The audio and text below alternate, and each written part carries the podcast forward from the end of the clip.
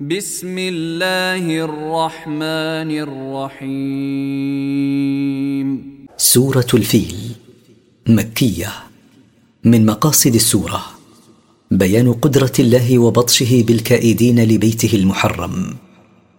التفسير ألم تر كيف فعل ربك بأصحاب الفيل؟ ألم تعلم أيها الرسول كيف فعل ربك بأبرهة وأصحابه أصحاب الفيل حين أرادوا هدم الكعبة؟ ألم يجعل كيدهم في تضليل؟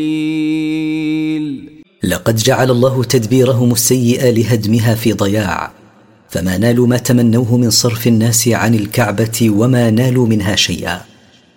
وأرسل عليهم طيرا أبابيل. وبعث عليهم طيرا أتتهم جماعات جماعات. ترميهم بحجارة من سجيل. ترميهم بحجارة من طين متحجر. فجعلهم كعصف مأكول. فجعلهم الله كورق زرع أكلته الدواب وداسته